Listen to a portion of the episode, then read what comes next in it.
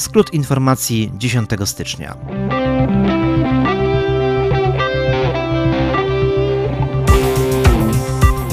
Trzydziesty finał Wielkiej Orkiestry Świątecznej Pomocy już wkrótce. Początek roku i przed nami czas planowania urlopów z długimi weekendami. Oficjalne otwarcie mostu w Sękowej. Mnóstwo imprez w naszym regionie. Tego posłuchacie dziś, w poniedziałek 10 stycznia. Dzień dobry. Imieniny obchodzą dzisiaj Agaton, Anna, Dobrosław, Egidia, Grzegorz, Idzi, Jan, Kolumba, Leonia, Marcjan, Mojmir, Nikanon, Nikanora, Paweł, Petroniusz, Piotr i Wilhelm.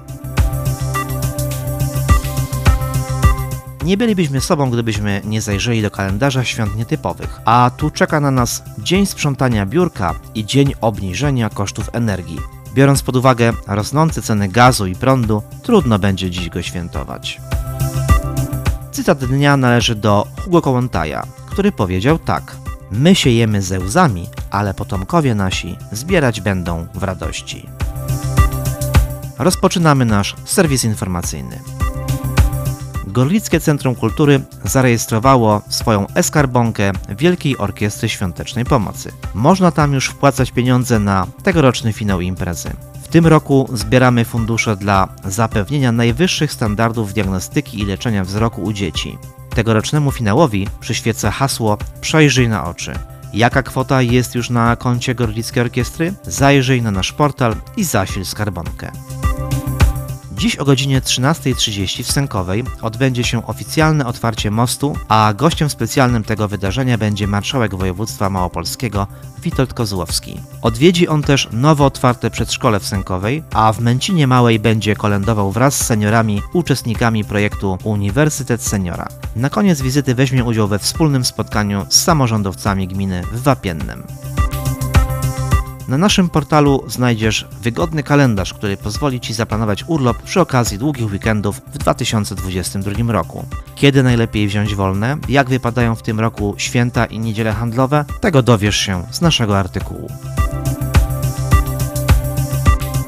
A teraz czas na informacje o nadchodzących wydarzeniach. To już ostatni moment na odwiedzenie wystaw prac, które znajdują się w Muzeum Dwory Karwacjanów i Gładyszów w Gorlicach. Można tam obejrzeć jeszcze wystawę malarstwa Wacława Michała Sitara, wystawę rzeźby Janusza Krause, a także rysunku Mateusza Otręby. Szczegółowe informacje na temat tych wystaw znajdziecie na naszym portalu. Europejskie Centrum Muzyki Krzysztofa Pendereckiego zaprasza na koncert pianisty i kompozytora jazzowego Leszka Możdżera. Odbędzie się on 15 stycznia, czyli w tę sobotę o godzinie 19.30 w Lusławicach. Informacje na temat tej imprezy znajdziecie na stronach organizatora.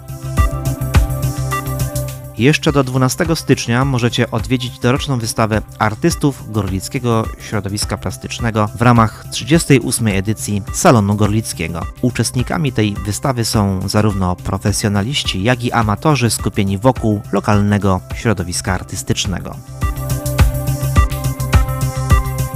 To już wszystkie informacje na dziś. Życzymy Państwu udanego tygodnia. Prosimy o pozostawienie lajków, komentarzy i udostępniania naszego serwisu. Kłania się Państwu Tomasz Stasiowski.